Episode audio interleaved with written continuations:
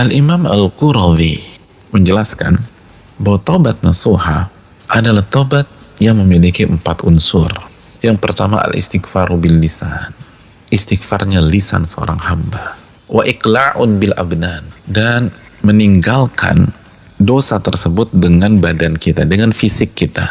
Yang ketiga wa idmaru tarkil out bil jinan.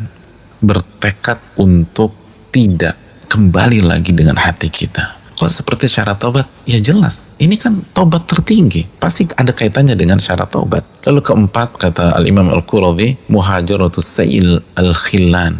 Dalam riwayat, muhajaratu sayil al-ikhwan.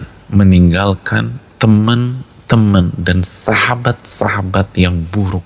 Kenapa ada penekanan meninggalkan sahabat-sahabat atau teman-teman yang buruk yang mengajak pada maksiat?